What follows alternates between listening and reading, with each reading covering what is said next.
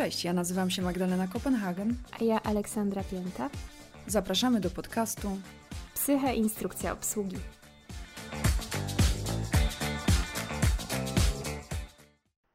To, że należy dbać o zdrowie, to każdy z nas wie, ale w momencie, gdy słyszymy zdrowie, zazwyczaj myślimy o tym naszym zdrowiu fizycznym.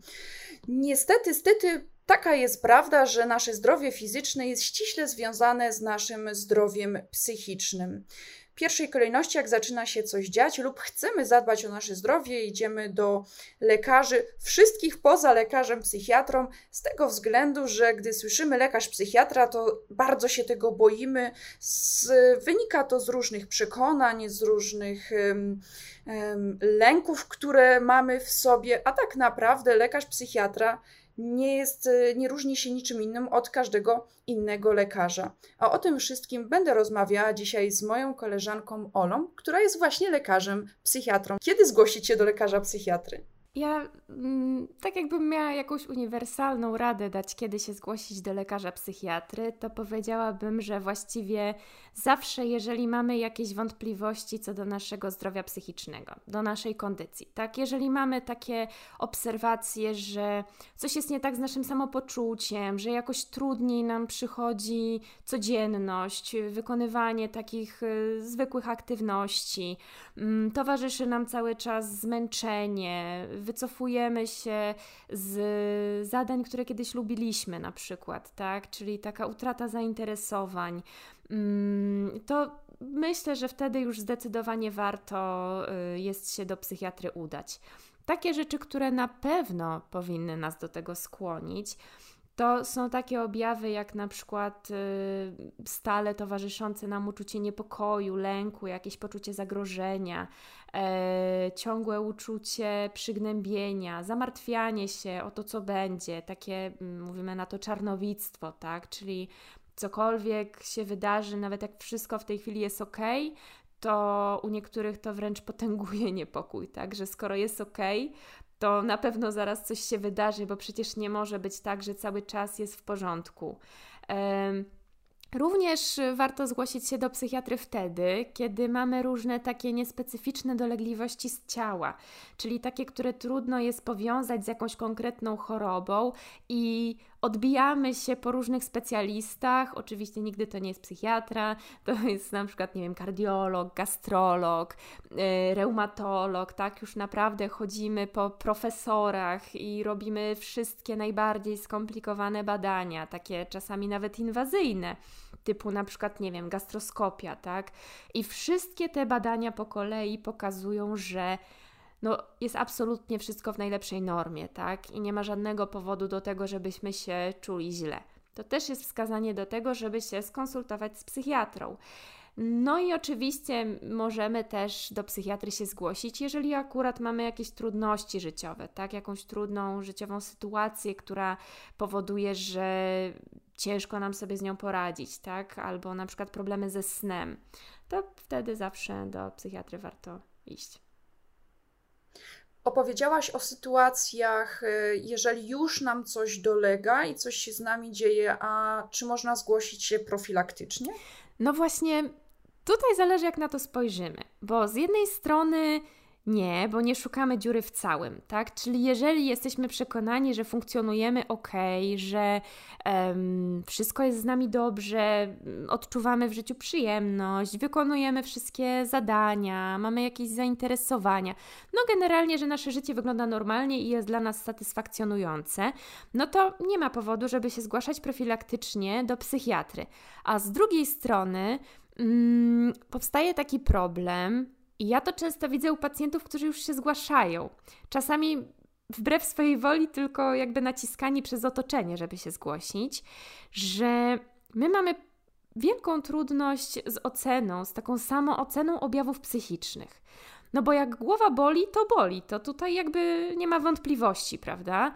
Natomiast, żeby ocenić swoje własne samopoczucie, to powiem szczerze, że mamy spory problem i e, pacjenci często różne, no ewidentne objawy, takie jak ja słucham, to dla mnie to są już objawy, traktują na zasadzie, no ale to nie jest normalne, to nie każdy tak ma, no przecież to normalne, że jak tyle pracuję, to jestem non-stop zmęczona i źle śpię i nie jestem w stanie wstać rano, tak?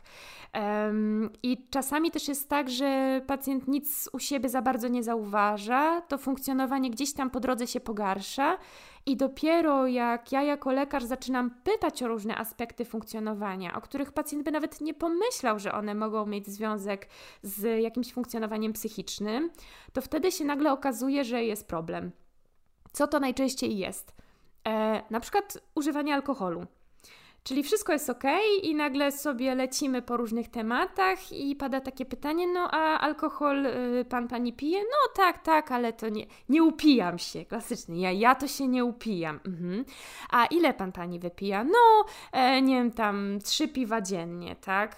Ale codziennie? No tak, codziennie, no bo na spanie na przykład. No i teoretycznie nie jest to problem, bo taka osoba wstaje rano do pracy, tak, mm, nie ma nawet kaca być może, funkcjonuje dobrze, ale jednak funkcjonując w taki sposób na stałe, no to jest naprawdę galopująca droga do uzależnienia.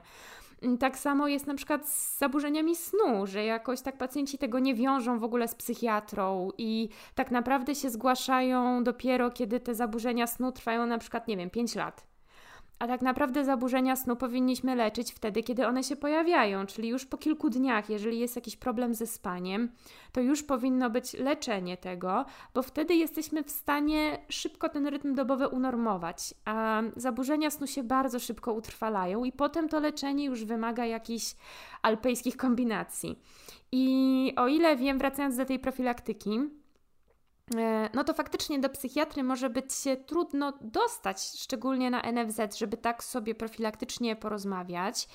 E, natomiast zdecydowanie możemy, szczególnie w tym aspekcie profilaktycznym, zgłosić się na przykład do lekarza rodzinnego tak żeby tak ogólnie porozmawiać o swoim samopoczuciu, czy może coś możemy poprawić, żeby o to zdrowie psychiczne zadbać, tak jak unormować sen, co zmienić w diecie. Także to czasami też jest jakieś takie e, rozwiązanie szerzej dostępne. To jest dokładnie tak, jak mówisz, że bardzo często nie zdajemy sobie sprawy, że jedna rzecz może wynikać z drugiej i nagle, nie wiem, odnośnie problemów ze snem, e, że z problemami ze snem nagle jest związany, są związane zaburzenia z apetytem, e, na przykład spadki nastroju i to, i to, i tamto. I sami nie zdajemy sobie z tego sprawy, i dopiero w momencie, jak lekarz nam zadaje pytanie, nagle okazuje się, że to już jest coś, z czym powinniśmy pracować, co powinniśmy leczyć. A propos alkoholu, jak e, podałaś ten przykład, piję codziennie trzy piwa.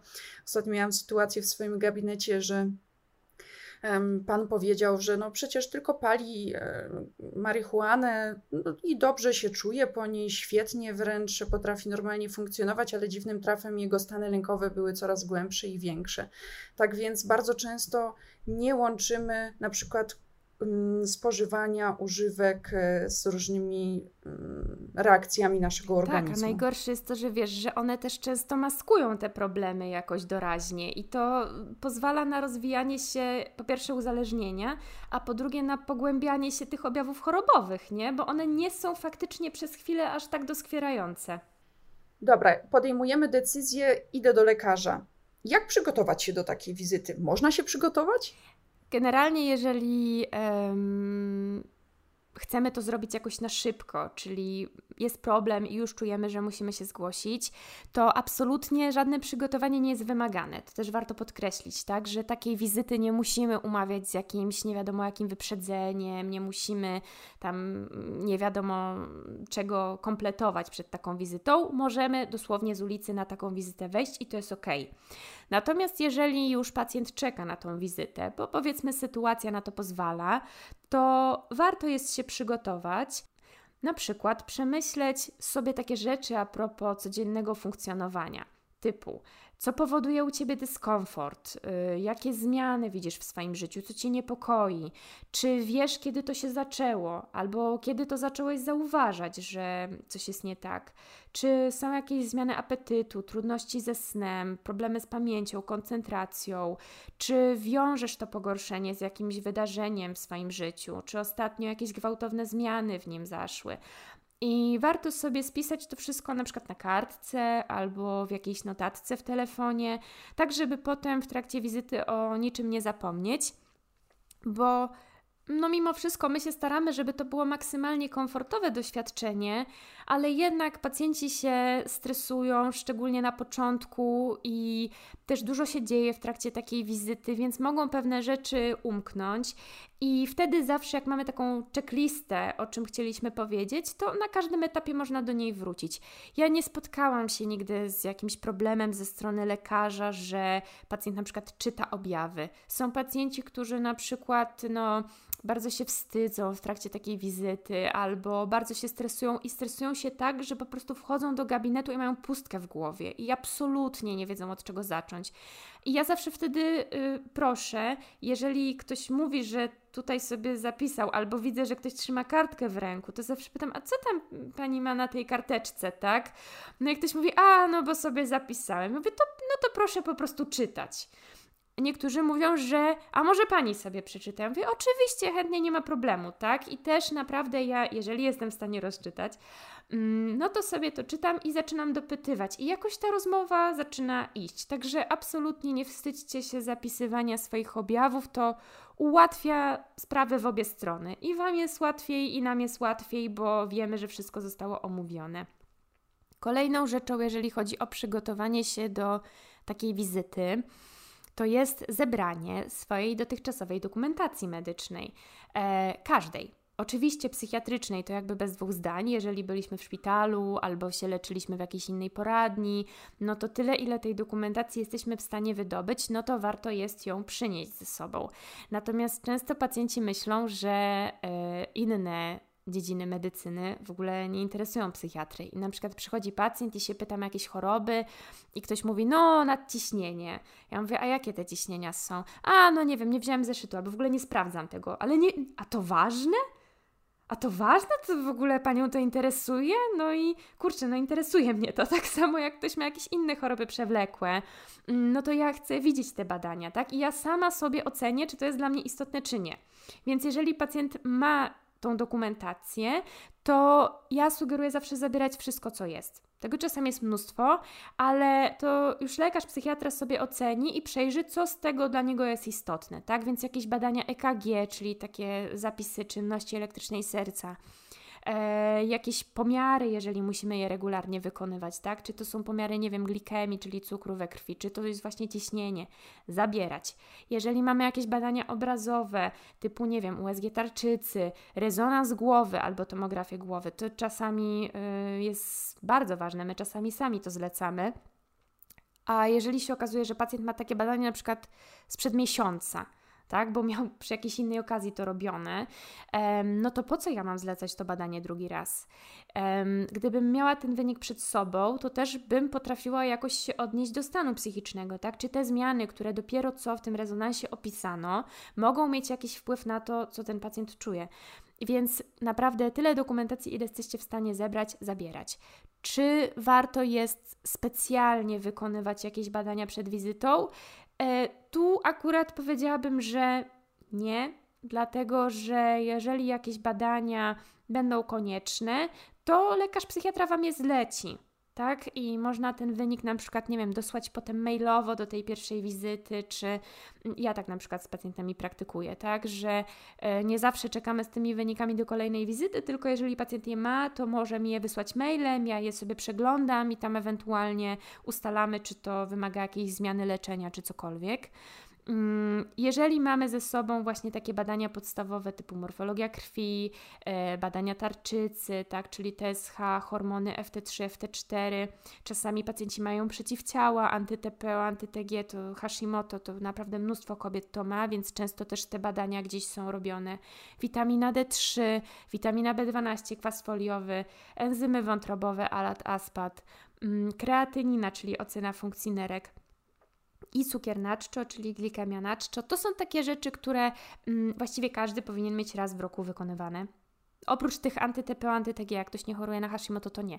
Ale cała reszta raz w roku powinna być i tak wykonywana, więc jeżeli mamy takie w miarę aktualne badanie, to warto je przynieść. Jeżeli nie i mamy chęć, można je wykonać, ale zawsze jest ryzyko, że lekarz poprosi o coś jeszcze, no i trzeba będzie do tego laboratorium iść jeszcze raz, więc no no to już jak pacjent woli, tak? Jeżeli ktoś lubi chodzić po laboratoriach, lubi pobierać krew, spoko. Jeżeli ktoś się tego boi i chce takie wydarzenia ograniczać do minimum, lepiej iść na tą wizytę, ustalić już wszystko, co jest konieczne do wykonania i potem pójść raz i to pobrać raz. Też y, ostatnia rzecz, która a propos przygotowania, e, spisać sobie leki, jakie przyjmujemy na stałe i dawki. Wszystkie.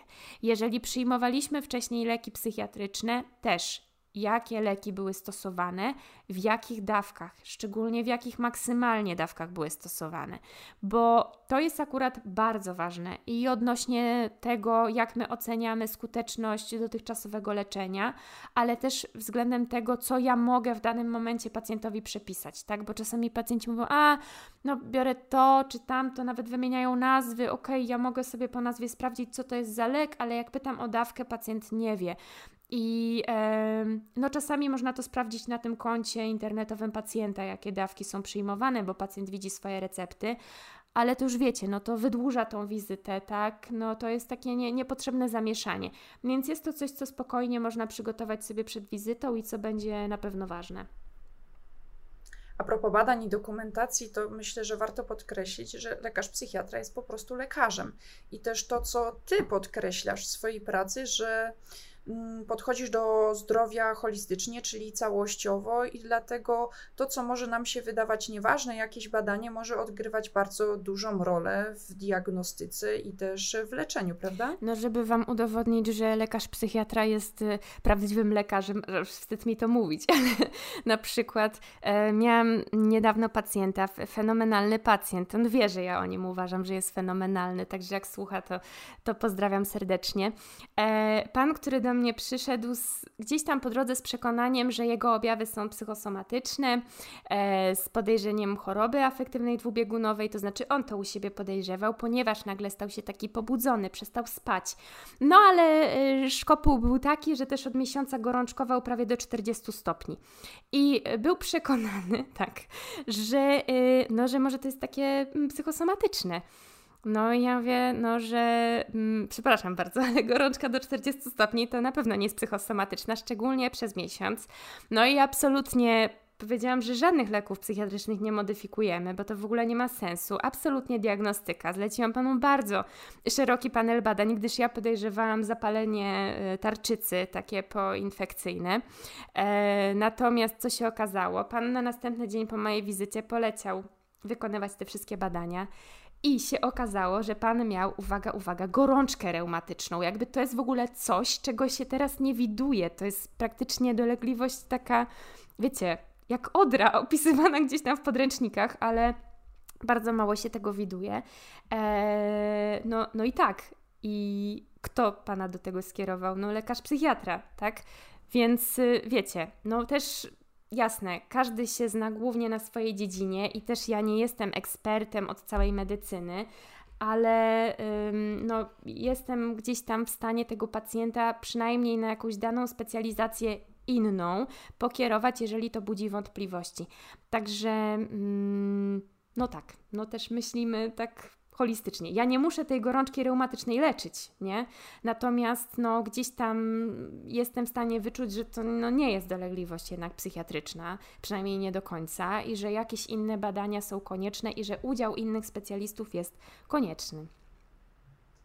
Dokładnie to podkreśla to, co już wspomniałaś, że jeżeli nie wiemy, do jakiego specjalisty się udać, to w pierwszej kolejności najlepiej iść właśnie do lekarza psychiatry, bo nie tylko lekarz psychiatra skieruje do specjalisty. Nie no, nie przeginaj, nie z każdą dolegliwowością. Nie no, chodzi mi tutaj mentalne, A, tak? No właśnie, to, co tak, tak, tak, żeby to było, wiesz, dobrze zrozumiane, że jeżeli jest uderzenie takie, że coś tam z samopoczuciem, nie? To... Tak, oczywiście. Ale to nie też chciałam powiedzieć, że to nie tylko e, kierujesz potem do psychologa, psychoterapeuty, ale na przykład jesteś też, masz umiejętność e, pokierowania dalej i zasugerowania czegoś, ponieważ masz do tego adekwatną wiedzę i doświadczenie. Dobrze, i wspomniała te, wspomniałaś też o wstydzie i o, o tym, że na przykład możemy się wstydzić czegoś powiedzieć, że możemy się bać. Czy jest opcja, żeby przyjść na taką wizytę z osobą towarzyszącą? Tak, jak najbardziej. Pacjent może przyjść do gabinetu z dowolną osobą, yy, na której obecność ma ochotę, z dowolną osobą, która jest dla niego wsparciem. E, czasami wręcz to jest dla nas no, prawie że konieczne, bo zdarzają się takie objawy, które polegają na przykład na jakichś lukach w pamięci, epizody choroby, epizody choroby pokryte mm, właśnie jak, jakąś niepamięcią, tak? Albo są takie zaburzenia koncentracji u pacjenta, że on no, nie potrafi opowiedzieć o tym, co się dzieje. I to nie zdarza się często, natomiast faktycznie miałam kilkukrotnie taką sytuację, że przychodzi pacjent i mówi, nie wiem, to jest moja partnerka i um, ona pa, pani opowie. Ja zawsze proszę, żeby pacjent mimo wszystko najpierw opowiedział to, co on jest w stanie opowiedzieć, ale potem faktycznie chętnie też wysłuchuję tej drugiej strony. I też warto podkreślić to, że nawet jeżeli prosimy, żeby ktoś z nami był w gabinecie, to pacjent może na każdym etapie poprosić, żeby ta osoba wyszła. Tak? Czyli jeżeli są osoby, znaczy są tematy, które chcemy tylko sam na sam omówić z psychiatrą, no bo są, umówmy się, rozmawiamy o tak prywatnych rzeczach um, i tak bardzo no, intymnych, że nie jest to nic dziwnego, jeżeli pacjent sobie życzy, żeby to zostało tylko pomiędzy nim a lekarzem. Więc na przykład pacjent może wejść do gabinetu sam, opowiedzieć to, co on ma do powiedzenia i potem się zapytać, czy może do nas teraz dołączyć, nie wiem, moja tam e, mama, partnerka, partner, ktokolwiek, tak, przyjaciel, może. E, może dołączyć na chwilę, może potem wyjść, tak, więc jakby tutaj jest pełna dowolność i to również jest coś, co nam... Mm, pogłębia tą informację o pacjencie, tak? Bo nie mamy tylko takiej jednostronnej relacji. W ogóle też mi się zdarzyło na przykład z raz czy dwa, że pacjenci zabierali tą osobę towarzyszącą ze sobą po to, żeby uwiarygodnić swoją historię. W sensie, że ta ich historia, mm, którą opowiadali, była tak niewiarygodna. No wiadomo, nie było w niej, nie wiem, kosmitów, no, no to też było takie ewidentne, ale była na tyle mm, oryginalna i no można by uznać nieprawdopodobna, że przychodzili z osobą towarzyszącą, żeby potwierdzić, że tak faktycznie było, a nie, że oni, nie wiem, mają jakieś objawy psychotyczne i im się tak wydaje, tak? No więc jeżeli faktycznie, jeżeli macie jakąś niesamowicie oryginalną historię i chcecie mieć pewność, że to zostanie e, odczytane właściwie, no to, no to też jest to jakieś rozwiązanie. Chociaż myślę, że większość psychiatrów się kieruje zasadą, że tak czy siak wierzymy pacjentowi. Dopóki nie mamy dowodów, że coś jest nieprawdziwe, to i tak wierzymy pacjentowi, no. No bo mówię, ja też jestem przekonana o tym, że życie pisze takie scenariusze, już to widziałam nieraz, że y, naprawdę to się nawet y, scenarzystom w kinie y, nie śniło. Takie czasem ludzie mają historie. Co właściwie, Olu, może zaproponować mi psychiatra na takiej wizycie? Wiesz co? No, oczywiście przede wszystkim leczenie farmakologiczne, no bo nie oszukujmy się, psychiatra akurat z tej wszystkiej grupy zawodów zajmujących się zdrowiem psychicznym jest jedynym specjalistą, który ma możliwość y, przepisania leków albo wystawienia zwolnienia. Natomiast to nie oznacza, że my robimy tylko to. E, w trakcie takich wizyt też możemy pacjenta nakierować na przykład na to, czy on wymaga psychoterapii, a może tylko konsultacji psychologicznej, może udziału w jakiejś grupie wsparcia. Czasami właśnie leczymy mm, jakieś choroby przewlekłe, tak? Czy kierujemy na, do właściwego specjalisty, w sensie innego lekarza specjalisty, żeby na przykład przyjrzeć się, czy dana choroba przewlekła jest na pewno na daną chwilę dobrze wyrównana. E, i też się wtedy tym zajmujemy, tak? Czyli jakimś leczeniem chorób podstawowych albo uzupełnianiu niedoborów żywieniowych, witamin. Także myślę, że tutaj mamy do zaproponowania dużo, dużo więcej niż leki. No, natomiast leki na pewno nas wyróżniają z całej tej grupy y, zawodów E, zdrowia psychicznego. Też warto podkreślić, że w trakcie takiej konsultacji psychiatrycznej lekarz nie prowadzi psychoterapii. Nawet jeżeli jest psychiatra, który jest też psychoterapeutą, nie prowadzi w trakcie konsultacji psychiatrycznej psychoterapii. Także mm, jeżeli wiemy od początku, że to, co nas interesuje, to jest tylko i wyłącznie psychoterapia i nie chcemy się konsultować z psychiatrą, no to warto od razu wtedy się skierować faktycznie do psychoterapeuty, bo na pewno tutaj taka konsultacja psychiatryczna nas wtedy no, nie do końca usatysfakcjonuje. Powód, dla którego bardzo często unikamy wizyty u lekarza psychiatry, jest lęk, że dostaniemy leki. Leki, które zmienią naszą osobowość, będziemy otumanieni, nie będziemy w stanie funkcjonować. Jak to jest z tymi lekami? Czy ja przychodząc do ciebie na wizytę od razu dostanę leki? Mm, niekoniecznie.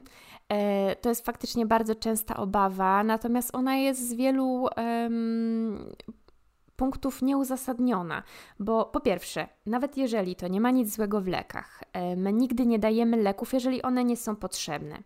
Czyli to nie jest tak, że przychodzi pacjent i dobra, to na dolegliwość A dajemy tą tabletkę, na dolegliwość B tą tabletkę i w ogóle jakby nie obchodzi nas więcej co z pacjentem, tylko po prostu czasami te leki są konieczne. Leki leczą, leki pozwalają funkcjonować nam na satysfakcjonującym poziomie i jeżeli przychodzi pacjent, który na przykład nie wymaga leków, tylko na przykład psychoterapii, albo w ogóle, nie wiem, wymaga interwencji kryzysowej u psychologa, to z całą pewnością tych leków nie dostanie, tylko po prostu dostanie informację, jak dalej może się pokierować. Ale jednocześnie e, skonsultowanie się w pierwszej kolejności z psychiatrą spowoduje, że my nic nie przeoczymy, tak? Czyli nie będzie to, co mówiłam na początku, że my mamy ogromny problem z taką samooceną swoich objawów y, różnych psychiatrycznych. Mm, więc zgłaszając się do psychiatry, my na pewno nie przegapimy tego, że sytuacja jest poważniejsza niż by nam się wydawało. Też warto podkreślić to, że nawet jeżeli psychiatra zaleci nam leki, znaczy powie, że w tej sytuacji uważam, że powinna Pani rozpocząć leczenie, taki taki lek proponuję w takiej dawce i tak dalej, i tak to będzie wyglądało.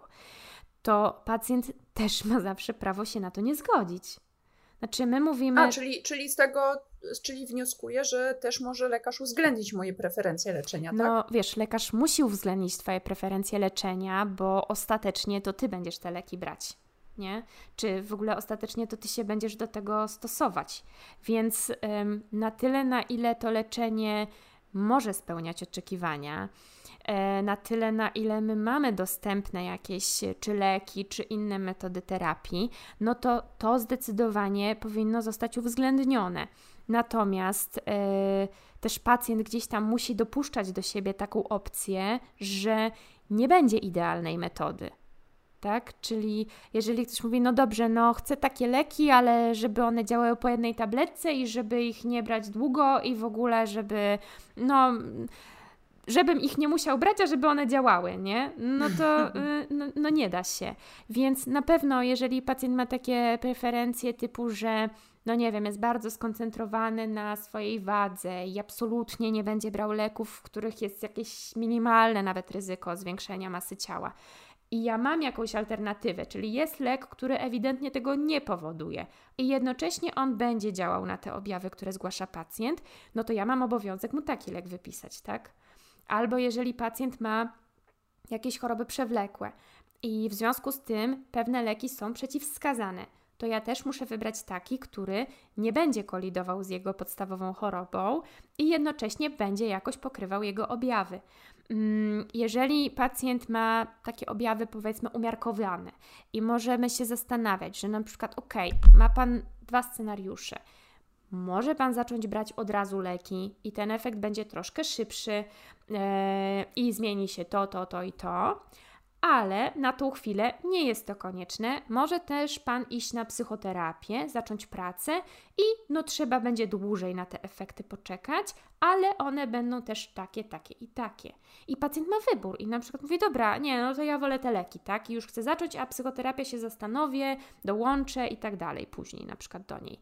Albo na przykład pacjent mówi, no wie Pani co, ja bym chętnie poszedł na psychoterapię, ale nie stać mnie, nie mam pieniędzy, żeby chodzić na psychoterapię raz w tygodniu, no to zostają tylko te leki. Więc no, ma lekarz obowiązek uwzględnić jakieś indywidualne preferencje pacjenta, jego możliwości, ale też z drugiej strony musi być mm, jakieś takie racjonalne podejście ze strony pacjenta, że nie wszystkie te oczekiwania da się spełnić. Na pewno zostanie Ci zaproponowane to, co jest najbliżej tych, tym, twoich, tym, tym Twoim preferencjom i będzie działało na objawy. To może nie być rozwiązanie idealne, ale gdzieś tam taki kompromis trzeba sobie wypracować. Ile trwa taka wizyta u lekarza psychiatry? to jest taki drażliwy temat.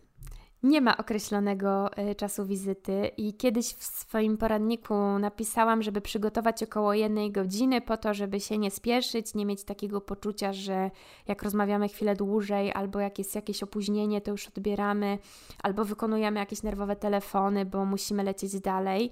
I od tamtej pory często dostaję takie wiadomości typu moja wizyta trwała 20 minut czy 15 minut i czy to jest ok? No i moja odpowiedź brzmi nie wiem bo nie ma normy czasu trwania dla dobrej wizyty. Wszystko zależy od tego, z jakim problemem pacjent się zgłasza, wszystko zależy od tego, jaki jest styl pracy lekarza. I generalnie faktycznie nadal utrzymuję to, że warto jest sobie zarezerwować około godziny po to, żeby właśnie nie było tak, że o Jezu, jeszcze bym coś powiedział, ale już muszę wychodzić na przykład, tak? Bo nie wiem, tramwaj mi odjeżdża, bo umówiłem się dalej, tak? Więc nadal podtrzymuję, że warto zarezerwować tyle czasu. Natomiast ta wizyta nie musi tyle trwać, żeby być dobrą, satysfakcjonującą wizytą. Dłużej nie znaczy lepiej. I to, co na pewno jest istotne dla takiej dobrej wizyty, to to, że po pierwsze, lekarz uzyskuje od ciebie wszystkie informacje, które są mu potrzebne do zdiagnozowania cię, Czyli wygląda to tak, że pacjent, yy, sorry, że lekarz nie zadaje już pacjentowi więcej pytań albo potwierdza, że ma już wszystkie informacje, które były mu potrzebne. E, ty jako pacjent masz możliwość opowiedzieć o tym, co cię trapi i zadać pytania, żeby zrozumieć zalecenia albo to, co się z tobą dzieje. I teraz tak, też ten mm, to, co nas y, niepokoi, to, co nas trapi, też w jakichś granicach rozsądku. To znaczy, jako pacjent, oczywiście śmiało zgłaszaj wszystko, natomiast nie obrażaj się, jeśli w jakimś momencie zostaniesz poproszony o ograniczenie szczegółów. Na przykład, taka rozmowa z pacjentem, tak? Pacjentka mówi do mnie, no i jeszcze ostatnio taka Kaśka się ze mną pokłóciła w pracy i ona do mnie mówi, a ja do niej. I wiecie, i w tym miejscu odtworzenie całego godzinnego dialogu. No to dla mnie to nie ma aż takiej wartości diagnostycznej, więc oczywiście zgłaszajcie to, że na przykład, nie wiem, jest konflikt z koleżanką w pracy, który sprawia, że czuję się w określony sposób, ale ja nie muszę tego zdarzenia w takich szczegółach yy, mieć odtworzonego. Nie? Także też trzeba mieć w sobie jakąś taką zgodę na podsumowanie pewnych rzeczy przez lekarza. E, bo tak jak powiedziałam wcześniej, no to nie jest psychoterapia, tak? Więc e, znowu, tak samo jak z tymi badaniami. Zebrać wszystko, przynieść wszystko i potem dać lekarzowi wybrać, co jest mu potrzebne do diagnozy. I generalnie dobra wizyta kończy się jakimś wnioskiem. Co ty możesz zrobić dalej, żeby poczuć się lepiej? I tutaj nie ma znaczenia, czy to trwa 5 minut, czy półtorej godziny. Bardzo mi przypomina to, co powiedziałaś, e, wizyty u psychoterapeuty, akurat pracującego w moim nurcie, że E, myślę, że w innych nurtach jest inaczej, że więcej się opowiada z większymi szczegółami, ale też na przykład w, pracy terapeuty poznawczo-behawioralnego nie odtwarzamy każdego jedynego słowa z sytuacji, które na przykład nie są koniecznie bardzo znaczące dla danego zagadnienia i też bardzo często E, nakierowuję pytaniami moich pacjentów, e, żeby wrócić do tematu, żeby nie odpływać, żeby ta jedna dygresja, która miała trwać dwie minuty, nagle nie trwała 40 minut, bo potem ja już sama nie wiem, gdzie jesteśmy, gdzie zaczęliśmy, a gdzie kończymy. Więc to też jest bardzo często tak u mnie, że konkret, konkret, konkret. Jak coś jest ważniejsze dla pacjenta, czy to, co ja postrzegam jako ważniejsze, czy to, to dopytuję i wchodzimy głębiej w temat, więc to akurat mamy bardzo podobne. Powiedz mi jeszcze, Olu, e, co w, takie, ta, w trakcie takiej wizyty się dzieje? O co pytasz pacjentów? Wiesz co, y, zawsze najbardziej mi zależy na tym, żeby pacjent chociaż troszkę opowiedział o problemie swoimi słowami, bo moje obserwacje są takie, że pacjent naturalnie wybiera to, co jest dla niego najważniejsze. Że jak ja pytam, co y, panią sprowadza, y, w czym mogę pomóc, to zawsze na początek leci to, co dla pacjenta jest w jego życiu na tą chwilę najtrudniejsze. No, w 99%, nie? I też sposób, w jaki pacjent mówi, pozwala mi się trochę dopasować do tego, jak my mamy dalej rozmawiać i tak, no, jakoś się zsynchronizować, nie? Więc na pewno możesz zostać poproszony, poproszona o to, żeby chwilkę tak mówię na to, wolna wypowiedź, e, chwilkę opowiedzieć o tym, e, w jakich okolicznościach do tego gabinetu trafiasz. I Potem czasami to wychodzi naturalnie, bo czasami są pacjenci, którzy siadają i mówią i właściwie mówią wszystko to, co ja potrzebuję zapytać, i nawet nie trzeba tych pytań pomocniczych zadawać, i tylko można sobie w trakcie uzupełniać to, co pacjent mówi.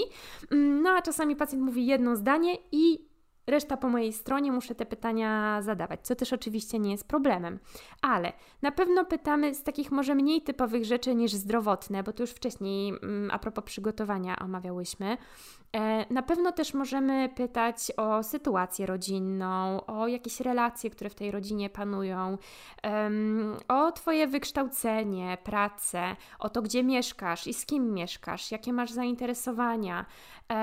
Oczywiście o używki, konflikty z prawem i nie dlatego, że jesteśmy jakoś super ciekawscy i wsadzamy nos w nie swoje sprawy, tylko akurat no w psychiatrii ten kontekst taki środowiskowy jest niesamowicie ważny, więc to mm, w jakich realiach wy funkcjonujecie e, wpływa też na to, co my Wam możemy zaproponować, na to, jak my interpretujemy różne objawy, tak? No bo inaczej będzie, inaczej będziemy traktować osobę, która na przykład, nie wiem, wszystko, e, wszystko ją wkurza, jest przebodźcowana, ma pracę, w której na przykład 12 godzin na dobę, nie wiem, jest hałas, jakiś bezpośredni kontakt z klientem i tak dalej, a inaczej będziemy troszkę rozpatrywać ten sam objaw u osoby, która nie ma jakichś obiektywnych, y, dodatkowych warunków stresowych, nie? Więc to jest wszystko absolutnie ważne dla nas. Zdarza się, że pacjenci, którzy do mnie trafiają, y, mają takie przekonanie, że jak coś mi opowiedzą o sobie, ja mogę o nich źle pomyśleć. Czy, jak to wygląda u Ciebie w gabinecie? Czy zdarza się, że pacjenci boją się, że coś zostanie zbagatelizowane, albo na przykład, że ich wyśmiejesz, ocenisz? E, bardzo często pacjenci się tego boją. Bardzo często pacjenci się boją, że przychodzą z jakimś niewystarczającym problemem. E, często sami opowiadając już o czymś, e, tak się korygują, że no, no, wiem, że tam inni mają gorzej, no pewnie przesadzam. A ja sobie myślę, nie no, człowieku w ogóle nie przesadzasz, jakby słucham tak? Dla ciebie to jest ważne, u ciebie to powoduje jakiś dyskomfort, więc słucham. Też zadajemy tyle pytań, właśnie między innymi na przykład o to wykształcenie albo pracę, o jakąś sytuację życiową. Też czasami pacjenci się boją, że, um, że my ich właśnie ocenimy, e, nie wiem, że o Boże, czemu rzucił studia, nie? Ale mnie to nie interesuje w kwestii, że ktoś rzucił studia i co ja o tym myślę, bo ja nic o tym nie myślę. Każdy dokonuje swoich wyborów, natomiast to jest informacja, która mi pozwala tego pacjenta poznać i coś mu zaproponować. Także my takie mam przekonanie. Ani nie oceniamy pacjentów, którzy yy, zgłaszają jakieś objawy, że oni może, nie wiem, coś za bardzo się przejmują, że to nie są problemy, co to są za problemy, po co on czy ona do mnie przychodzi, nie? Nigdy mi się to nie zdarzyło. Raczej zawsze mnie cieszy, że pacjent jest zainteresowany swoim zdrowiem, że jest świadomy, że czuje, że coś jest nie tak i to spowodowało, że sięgną po pomoc. I tak jak powiedziałam wcześniej, to niekoniecznie się musi od razu kończyć jakąś dłuższą przygodą z psychiatrą. Czasami spotykamy się raz. Um, natomiast um, absolutnie takiej oceny nie ma i u psychiatrów, i u psychoterapeutów. Mogę tylko potwierdzić, że dokładnie tak samo to mm, wygląda u mnie w moim gabinecie.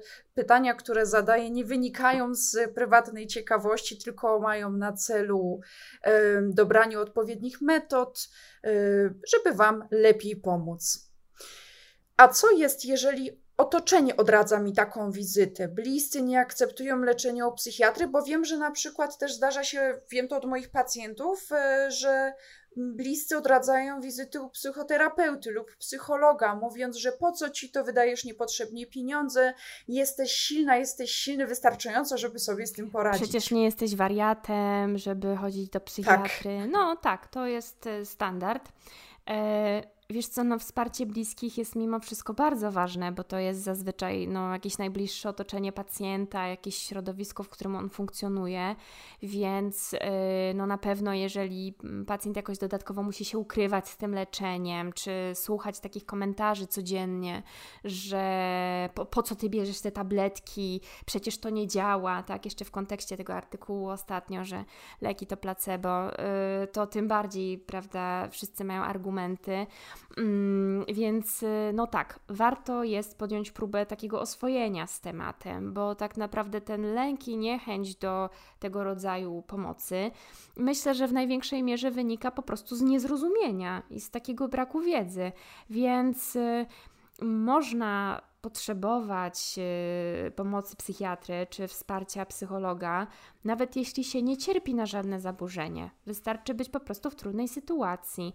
I ja tak sobie zawsze myślę i zachęcam pacjentów, żeby spróbowali wytłumaczyć, czym się zajmuje psychiatra i jak te wizyty na pacjenta wpływają. Czyli na przykład, że Dzięki tym wizytom, konsultacjom, lekom mogę być z sobą, czuję się lepiej i dzięki temu właśnie możemy na przykład wspólnie spędzać czas. Dzięki temu, że biorę te leki, mogę teraz siedzieć i tutaj z Tobą rozmawiać, bo gdyby nie to, to bym na przykład leżała w łóżku i płakała. Tak? Więc. Yy, myślę, że takie postawienie sprawy, czy tam nie ma sensu chyba wchodzić w jakieś tam tyrady a propos tego, jak te leki działają i tak dalej, bo to, no, to jest gruba wiedza, to już trzeba mieć otwartość, żeby to zrozumieć. Ale myślę, że takie przedstawienie najbliższym, że no ale słuchaj, no właśnie z tego powodu możemy spędzać ten czas razem, tak? To trochę może gdzieś tam przekliknie i to myślenie zmieni. Dokładnie tak samo jest, jeżeli idziemy do lekarza, nie wiem, chociażby do diabetologa i dostajemy diagnozę cukrzycy, lub idziemy do endokrynologa, okazuje się, że mamy chorą tarczycę. Jakoś nikt tego nie kwestionuje. My też sami nie kwestionujemy potrzeby brania leków, po prostu je bierzemy, po prostu chodzimy regularnie na wizyty. I to też taka podpowiedź z mojej strony, że można podkreślić, że wizyty u lekarza psychiatry i branie leków są tak samo ważne jak wizyty u każdego innego lekarza i leki od, od, e, na różne dolegliwości, które mamy. Poruszyłyśmy temat, jeżeli chodzi o naszych bliskich, naszą rodzinę. A tutaj mam pytanie, jeżeli chodzi o naszą pracę. Czy pracodawca dowie się o leczeniu psychiatrycznym?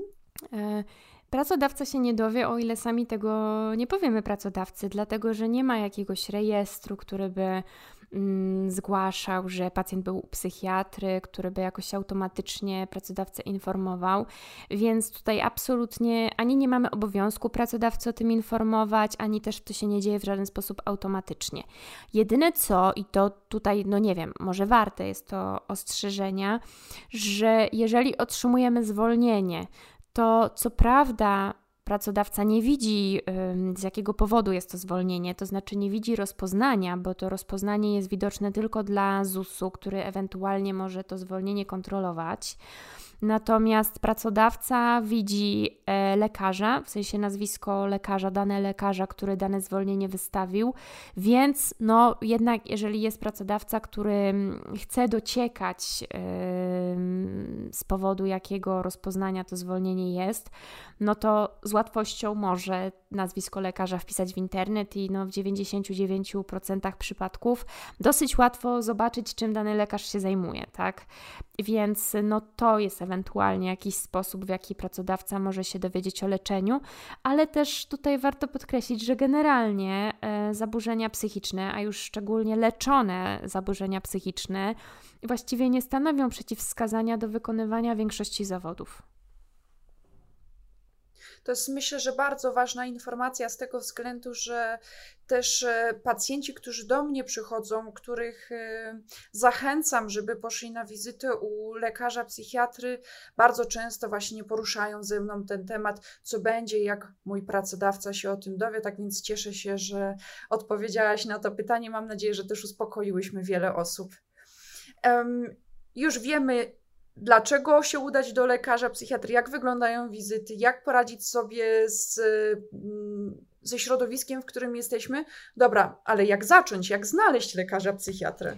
Um, no, najłatwiejszym źródłem pewnie dla nas wszystkich jest internet, czyli wpisanie po prostu psychiatra i miejscowość, w której jesteśmy, albo psychiatra online, dlatego że wielu, wielu lekarzy w tej chwili już dzięki pandemii też przyjmuje zdalnie. Natomiast tak, jeżeli szukamy na przykład konsultacji na NFZ, czyli takiej bezpłatnej w poradni zdrowia psychicznego, to warto jest sobie sprawdzić dostępny termin w swojej miejscowości, wpisując w Google takie hasło terminy leczenia NFZ i tam jako świadczenie poradnia zdrowia psychicznego. Myślę, że dodamy ten link tutaj do opisu odcinka, żebyście mogli sobie po prostu łatwo sprawdzić.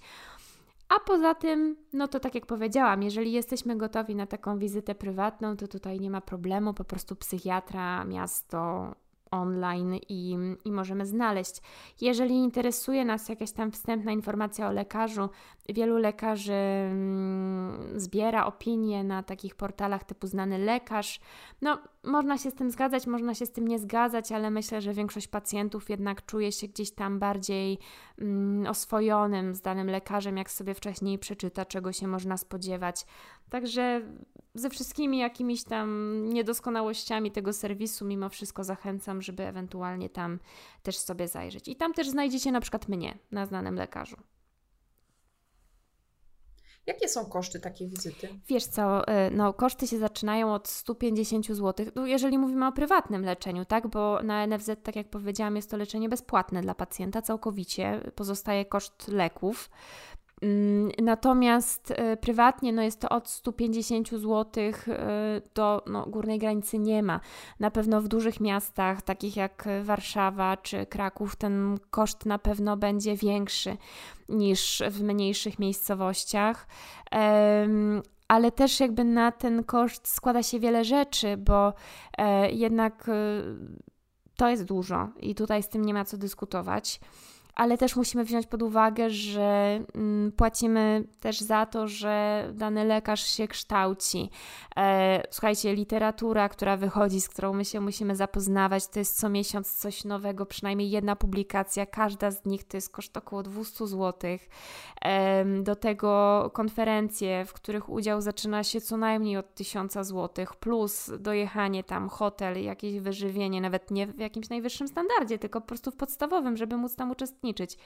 Więc jakby koszta e, tego, żeby być na bieżąco, żeby być dla pacjenta jak najlepszym lekarzem, też są ogromne. I tutaj oczywiście, no nikt się na to nie skarży, ale jeżeli pacjent się zastanawia, skąd taka cena wynika, no to też stąd też oczywiście wszyscy płacimy podatki, no to już wchodząc w takie tematy, wiecie, e, plus wynajem gabinetu. Jest wiele rzeczy, które się na tą cenę składa ale zawsze można też się zgłosić do poradni na NFZ i wtedy ten problem nam odpada. Ale może się pojawić inny problem, który się nazywa długi czas oczekiwania. E, wiesz może, jak długo się czeka do lekarza, na przykład plus minus oczywiście na wizytę na NFZ? Wiesz co, no znowuż to zależy od miejscowości. Myślę, że jest to około miesiąca do dwóch. Natomiast zdarza się, tak jak szybko. ktoś tam dobrze śledzi te strony, to myślę, że nawet w ciągu dwóch tygodni można gdzieś tam się załapać. To jest myślę, że dość optymistyczna wiadomość i informacja na sam koniec. Dziękuję Ci bardzo, Olu, za tą niezwykle interesującą wizytę. Mam nadzieję, że dodaliśmy Wam otuchy i odwagi mm, tymi informacjami. Tak więc naprawdę nie bójmy się i dbajmy o swoje zdrowie fizyczne i psychiczne. Tak jest. Dziękuję Wam bardzo i mam nadzieję, że teraz te wizyty będą dla Was chociaż trochę łatwiejsze i że już się nie boicie i wiecie, jak to funkcjonuje. Dziękujemy bardzo. Do usłyszenia. Do usłyszenia.